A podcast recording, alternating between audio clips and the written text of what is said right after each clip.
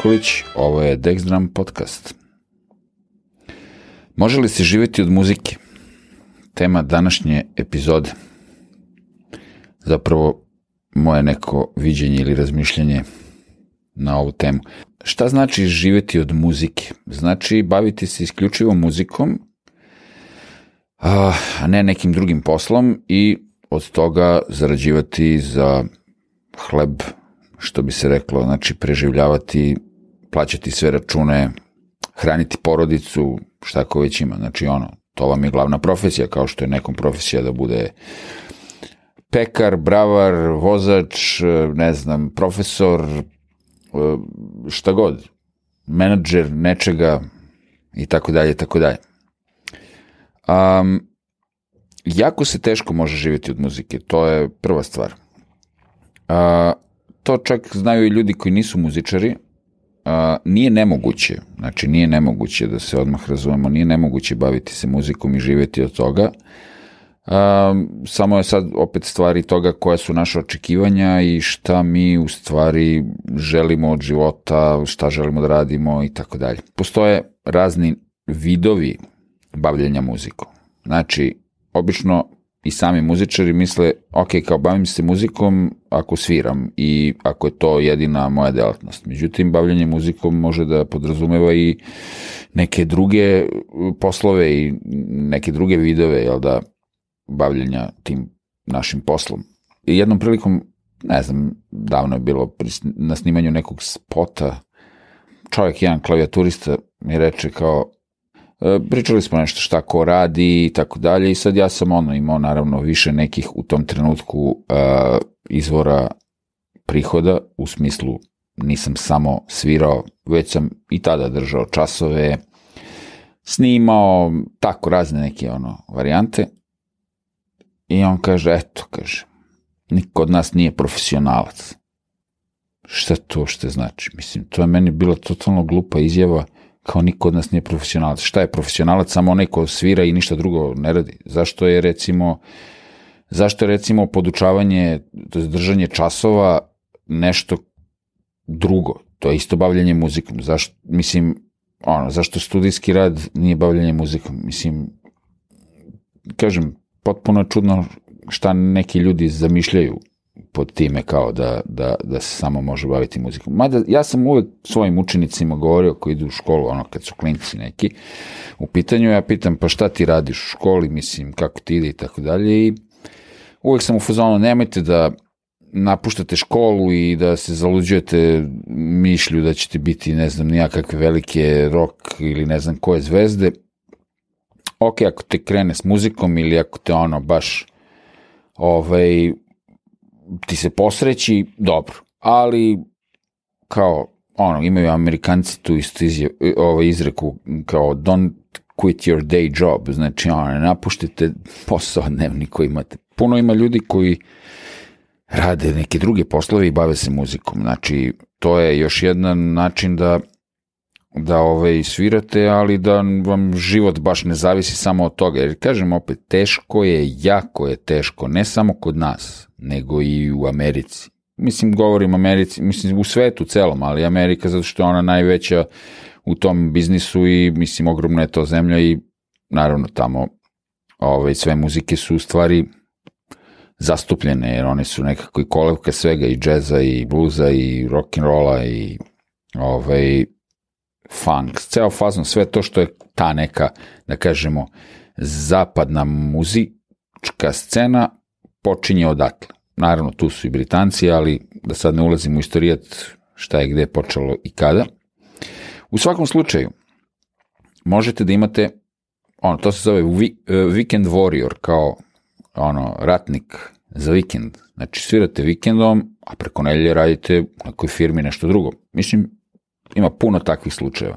Što ne znači da taj posao ljudi kada rade, kad sviraju da, da, da oni to rade nešto bez veze i da oni nisu kao profesionalci i da nisu dobri muzičari. Naprotiv, ima odličnih svirača, mislim, uvek imate i mediokritete i ovakve i onakve, mislim, to nije sporno, ali to je to, ljudi su, ono, odlučili da imaju neku drugu karijeru paralelno sa svojom muzičkom karijerom.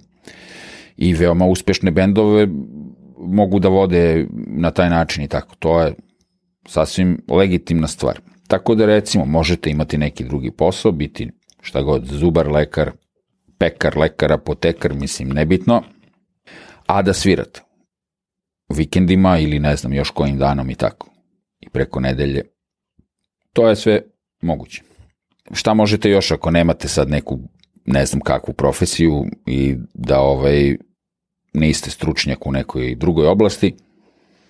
Recimo imate mogućnost uvijek da radite u nekoj radnji muzičkoj. Ljudi rade u radnjama, mislim. Naročito ako ste mlađi pa nemate problem sa autoritetom u smislu gazda vam govori ovo ili ono, tako da to je sve ok. Znači možete raditi u muzičkim radnjama, to se dešava svuda u svetu, jer tu ste u kontaktu sa muzičarima, tu ste u kontaktu sa instrumentima, često na zapadu te i, i, i radnje imaju neke svoje kao e, malene radionice gde ljudi drže isto kao časove instrumenta ovih ili onih, tako da čak neko ko radi u radnji može da drži i časove, ne znam, gitare, bumnjeva, basa, klavijature, šta ja znam.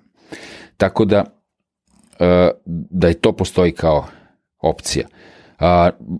Ili možete da otvorite svoju radnju, znači da imate, mislim, ok, sad koji je put do toga, nebitno, ali u perspektivi možete biti ovaj vlasnik radnje svoje. Ja znam ljude kod nas koji su vlasnici ovaj svojih radnji muzičkih ili koji su direktori nekih muzičkih ovaj prodavnica i tako dalje i koji rade onako kao samoprodavci, znači to je legitimna stvar. Možete da budete, ako se zanimate za studijski rad, možete raditi u nekom studiju ili normalno imati svoj studio gde ćete vi snimati albume ili šta god treba drugim ljudima. Možete biti snimatelj u studiju i pored toga možete da svirate. Znači, ne samo da se vežete za studiju, nego možete i svirati. Znači, znam takve slučaje, ima takve slučajeva puno. Znači, možete i da posjedujete svoj studio. Možete biti live tonac. Možete da svirate u svom bendu i da imate svoje svirke, a možete da radite i kao ton majstor drugim bendovima. I ti slučajevi postoje. Znači, to je takođe legitimna stvar. Možete se baviti i trgovinom instrumentima na neki drugi način, uvozom, izvozom, jel da, to je kada imate, da kažem, svoj biznis, jel da, radnju svoju, pa onda normalno morate i time se bavite. Možete držati časove u školi, ako imate diplomu da možete raditi u školi, ili u nekoj privatnoj školi, na primjer, ovo govorim diplomu za državne škole, ako se bavite klasičnom muzikom i ako imate iz toga diplomu, možete držati časove u školi, a postoje sada razne i privatne škole, što za klasičnu muziku, što za pop, rock i tako dalje. Znači nije sad bitno šta ja mislim o raznim tim privatnim školama, to ćemo drugi put, možda. Ali, znači to postoji kao opcija, takođe možete držati privatne časove, praviti, napraviti svoj studiju, kao što sam ja izabrao da radim.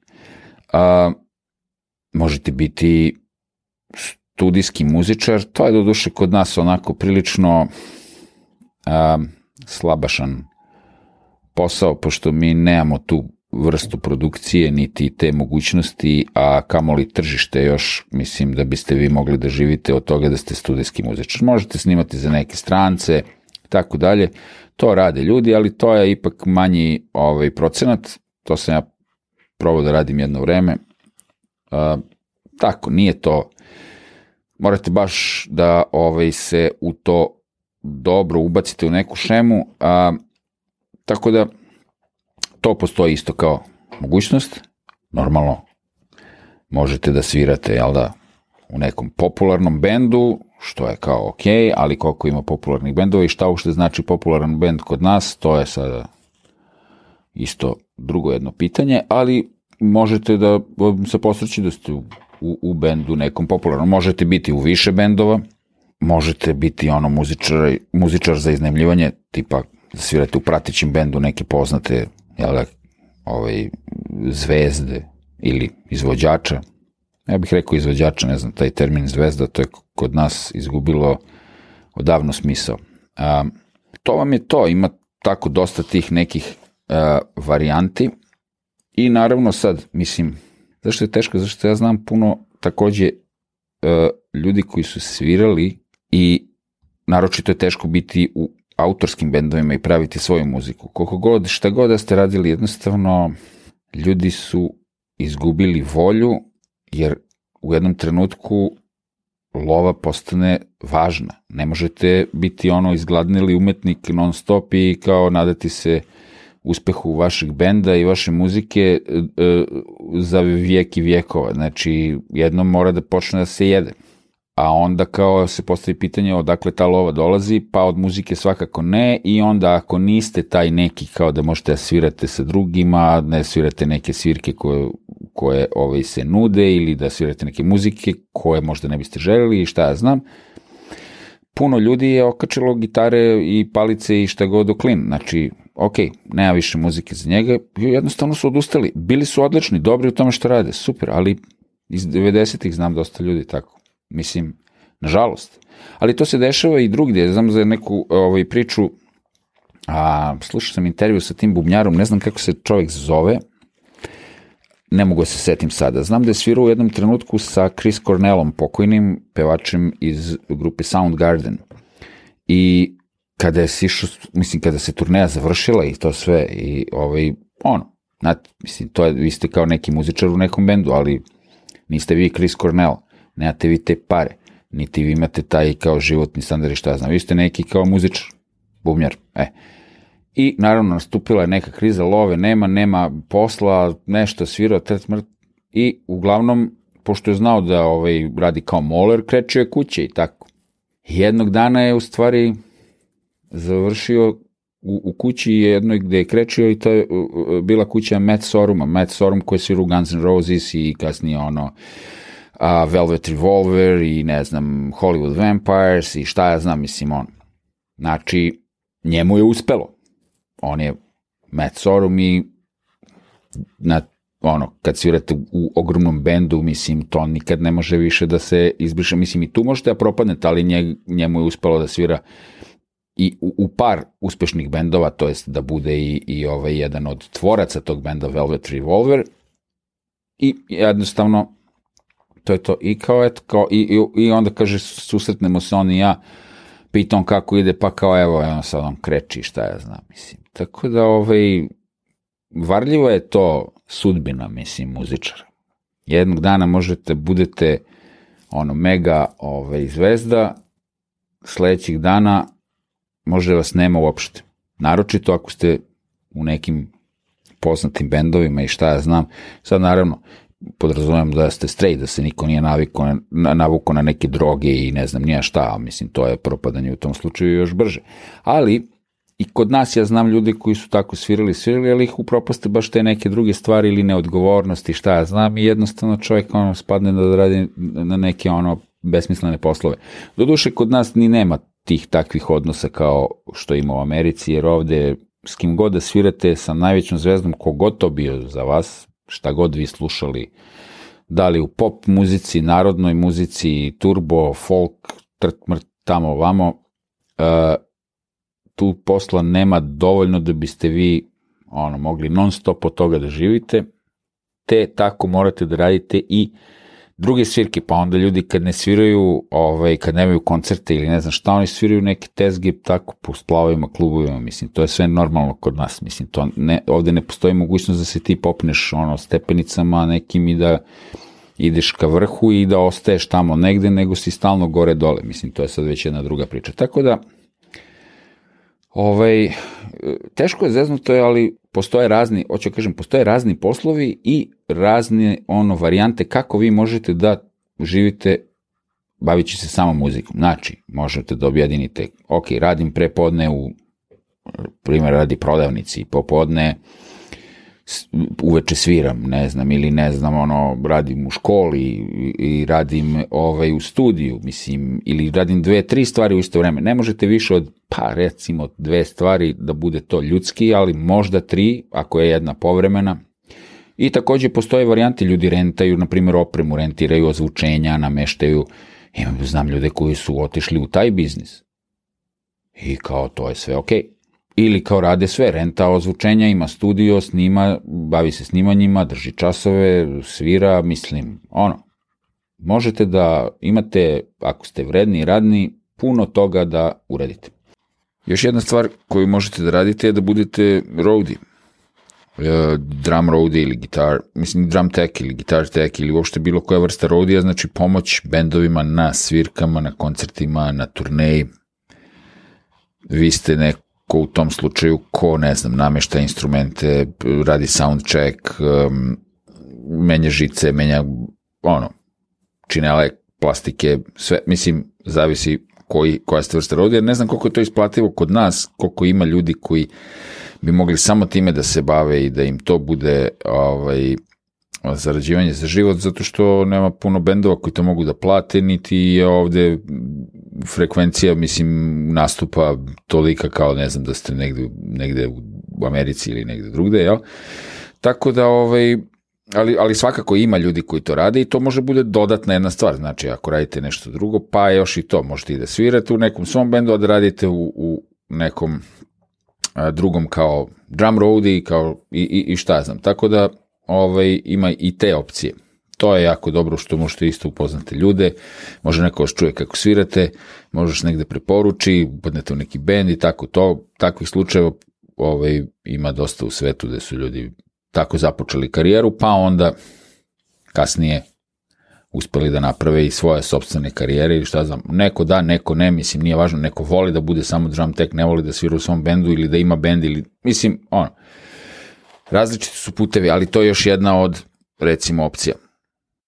I u ovoj drugoj sezoni Dex Drum podcasta ćemo čuti razgovore sa ljudima koji su bubnjari, ali imaju baš neke druge su započeli isto poslove, da vidimo kako je do toga došlo i koji je njihov bio put i kako sve to izgleda.